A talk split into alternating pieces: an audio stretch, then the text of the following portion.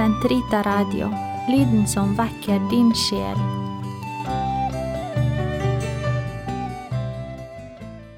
Kroppens teologi, en kommentar til pave Johannes Paul 2.s onsdagskatekeser av Eirik Ambrosius Stenhoff. Totus tuus ego sum, et omnia mea tua sunt, archipio te in mea omnia, prebe mi cor tum Maria. Episode 6 Gaven Kroppens betydning i lys av skapelsen Katekesene 13 19. Del 1 Skapelsen og gavens hermenøytikk Katekesene 13 og 14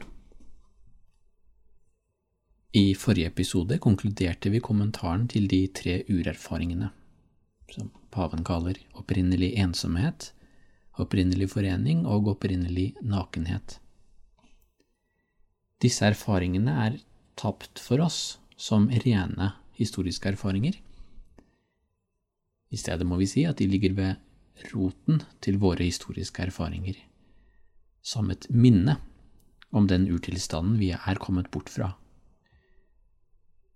Pave Johannes Paul 2.s refleksjoner over urerfaringene fører oss til en dypere forståelse av hva mennesket er.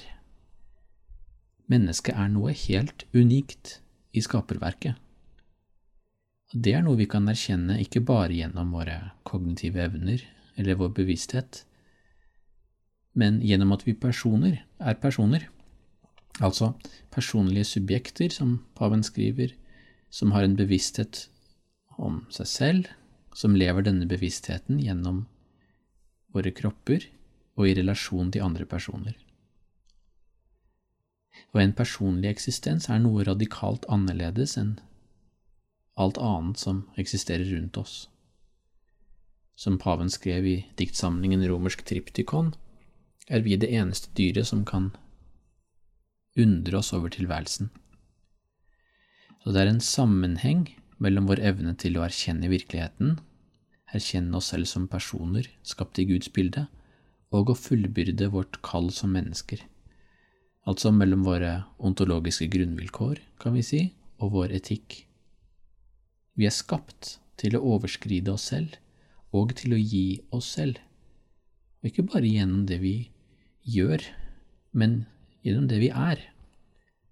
Som det heter i konsildokumentet Gaudium et spes, er vi den eneste skapning Gud har villet for dens egen skyld, og vi kan bare realisere oss selv ved å gi oss selv som en gave. Det er altså en nær sammenheng mellom måten vi er skapt på og måten vi er kalt til å leve på. Derfor har også Jesu ord til fariseerne om å se til begynnelsen en fundamentalt normativ betydning. Han mener ikke bare å vise til et tapt ideal, som for å bebreide oss for at vi ikke klarer å leve opp til det, Tvert imot ønsker han, i lys av den rettferdiggjørelsen han har vunnet for oss, og vise oss at bare sannheten om mennesket kan være et gyldig eller fullstendig grunnlag for hvordan vi handler mot Gud og vår neste. Dette er et perspektiv som er gått tapt i mye moderne moralteologi, for ikke å snakke om i kulturen mer generelt. Og dette grunnlaget kaller paven for en adekvat antropologi, som igjen er bygget på menneskets urerfaringer. Så adekvat antropologi betyr, som paven sier i denne katekesen, at mennesket må betraktes i lys av at det er skapt. Og igjen må vi se på de ordene i skapelsesberetningen som Jesus viser til. Til mann og kvinne skapte han dem. I første Mosebok 1.27. Så dette ordet, skapte, sier paven, og sammen med det implisitte subjektet, skaperen, introduserer en helt ny dimensjon, helt ny dimensjon til vår forståelse av oss selv. Den kaller han en gavens hermenøytikk. Og hva slags hermeneutikk eller fortolkningsnøkkel eller fortolkningskunst snakker paven her om, og hva tilfører den til det vi allerede har drøftet? Jo, Paven understreker at gavedimensjonen ved tilværelsen, ved våre erfaringer, er avgjørende for at vi virkelig skal kunne forstå dybden i urerfaringene. Disse er nettopp ikke erfaringene til en hvilken som helst skapning, men til mennesket. Og de er erfaringer som på et vis avdekker selve meningen med menneskets eksistens i verden. Åpenbaringen viser oss at denne eksistensen er villet av Gud ut fra kjærlighet. Skaperen, sier paven, er den som skaper oss av intet, og som etablerer verden og mennesket i den fordi han er kjærlighet, som det heter i 1. Johannes brev 4,8 f.eks. Og dette avdekker den endelige motivasjonen for Guds skapelse. I første Mosebok heter det at Gud så det han hadde skapt, og han så at det var veldig godt. Kjærligheten gir en ny dimensjon til dette. Kjærligheten har kraft til å gi opphav til det gode, som paven sier. Derfor kan vi snakke om en gavedimensjon som er helt fundamental.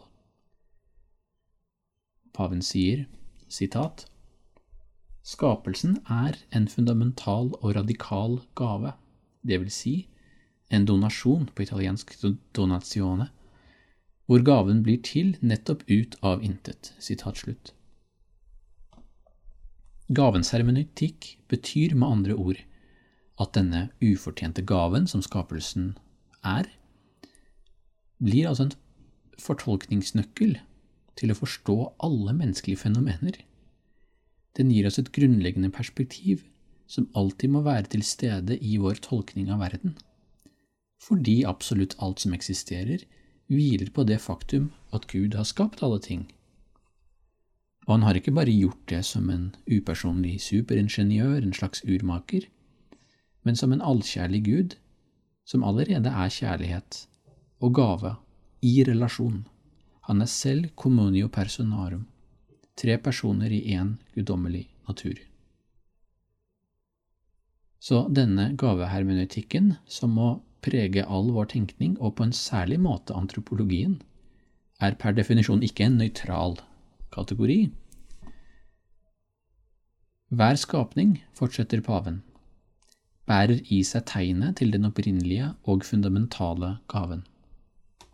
Og en slik fundamental eller grunnleggende gave, som er nettopp grunnlaget for alle ting, sier både noe om den som har mottatt gaven, og den som har gitt gaven.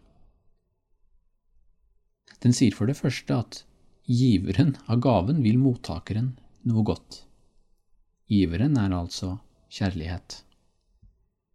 Den sier dermed også at mottakeren er verdig til denne gaven.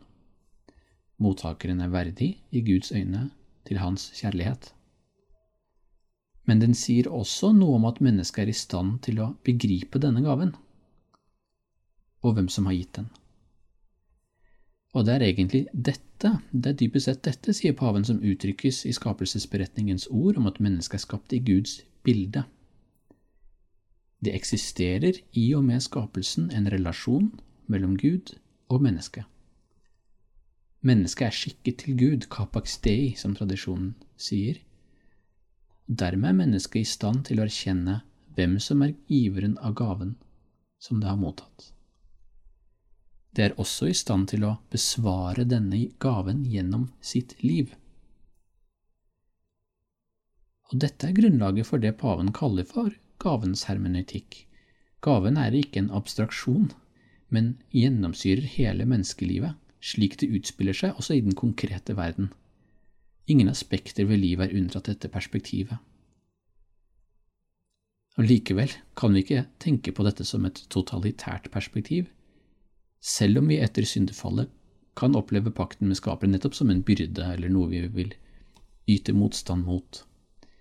Nei, det er i stedet et dypt frigjørende perspektiv, fordi det setter oss fri til å leve slik Gud har skapt oss til å leve. Når Jesus viser til begynnelsen, er det denne gavedimensjonen han viser til. Som paven sier, har mennesket mottatt verden som en gave, men også vice versa. Verden har i en forstand mottatt mennesket som en gave. Nettopp det distinkt menneskelige, altså den menneskelige person, i kraft av å være skapt i Guds bilde, gjenspeiler på en særlig måte Guds skapelse av verden. Dette gir oss et nytt perspektiv også på det paven har sagt om Adams erfaringer i urtilstand. Adam levde gaven på en fullkommen måte. Paven ber oss riktignok legge merke til setningen om at det ikke er godt for mennesket å være alene, i Første Mosebok 2,18. Betyr ikke dette at urtilstanden ikke var så fullkommen likevel? Sett fra en annen synsvinkel bekrefter dette egentlig bare pavens poeng.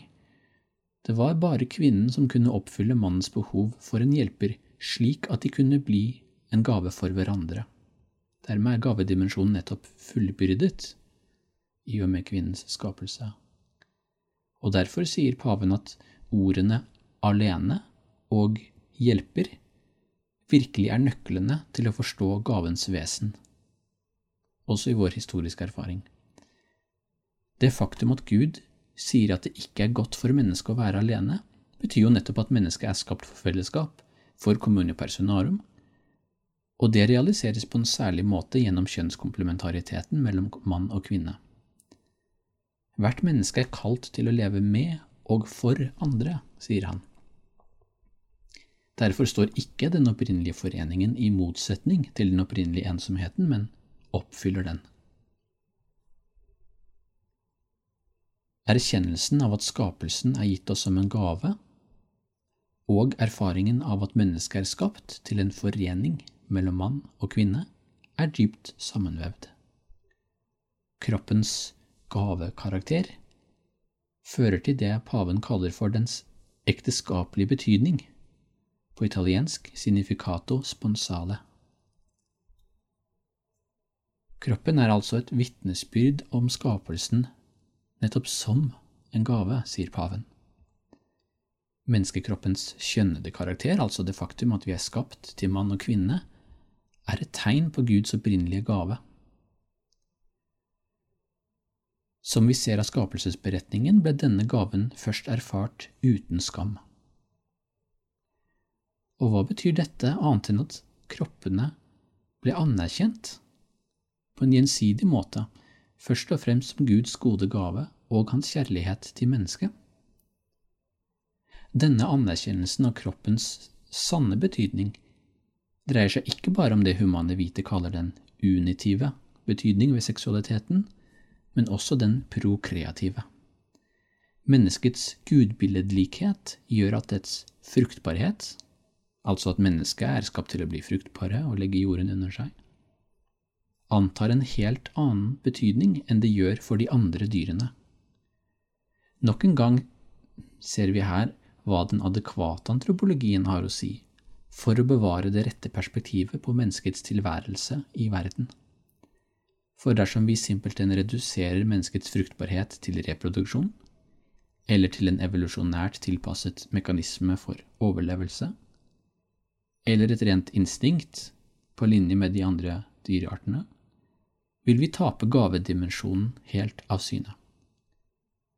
Og vi ser hvor katastrofal, katastrofal denne reduksjonismen er for å skape en sant menneskelig kultur. Vi lever nettopp i en tid hvor alle disse fenomenene, disse reduksjonismene, bioteknologien, den allmenne promiskuiteten og prevensjonsmentaliteten, perverterer seksualitetens gave til det ugjenkjennelige. Men menneskelig fruktbarhet er noe mer enn dette. For på den ene side er den selvsagt analog, sier paven, sammenlignbar med de andre dyrenes, men samtidig noe helt annet. Den har nettopp en personlig dimensjon, og den har en gavekarakter som vi faktisk er i stand til å gjenkjenne. Og den gir oss del i Guds egen skapergjerning. Paven sier at nettopp fordi mennesket er klar over sin prokreative evne, sin fruktbarhet, og over sin egen kropp, er det i stand til å frigjøre seg fra denne kroppen i en forstand. Det er dette erfaringen av den opprinnelige nakenheten viser til. Nakenheten, som vi har sett, illustrerer nettopp hvordan mennesket i urtilstanden ikke var en slave for sin egen kropp, men tvert imot erkjente dens betydning på en, på en fullkommen måte. I neste del av denne episoden skal vi se nærmere på hva dette og det paven kaller for kroppens ekteskapelige betydning. Gloria patri et filio et spiritui sancto, sicut erat in principio et nunc et semper, et in secula secolorum. Amen.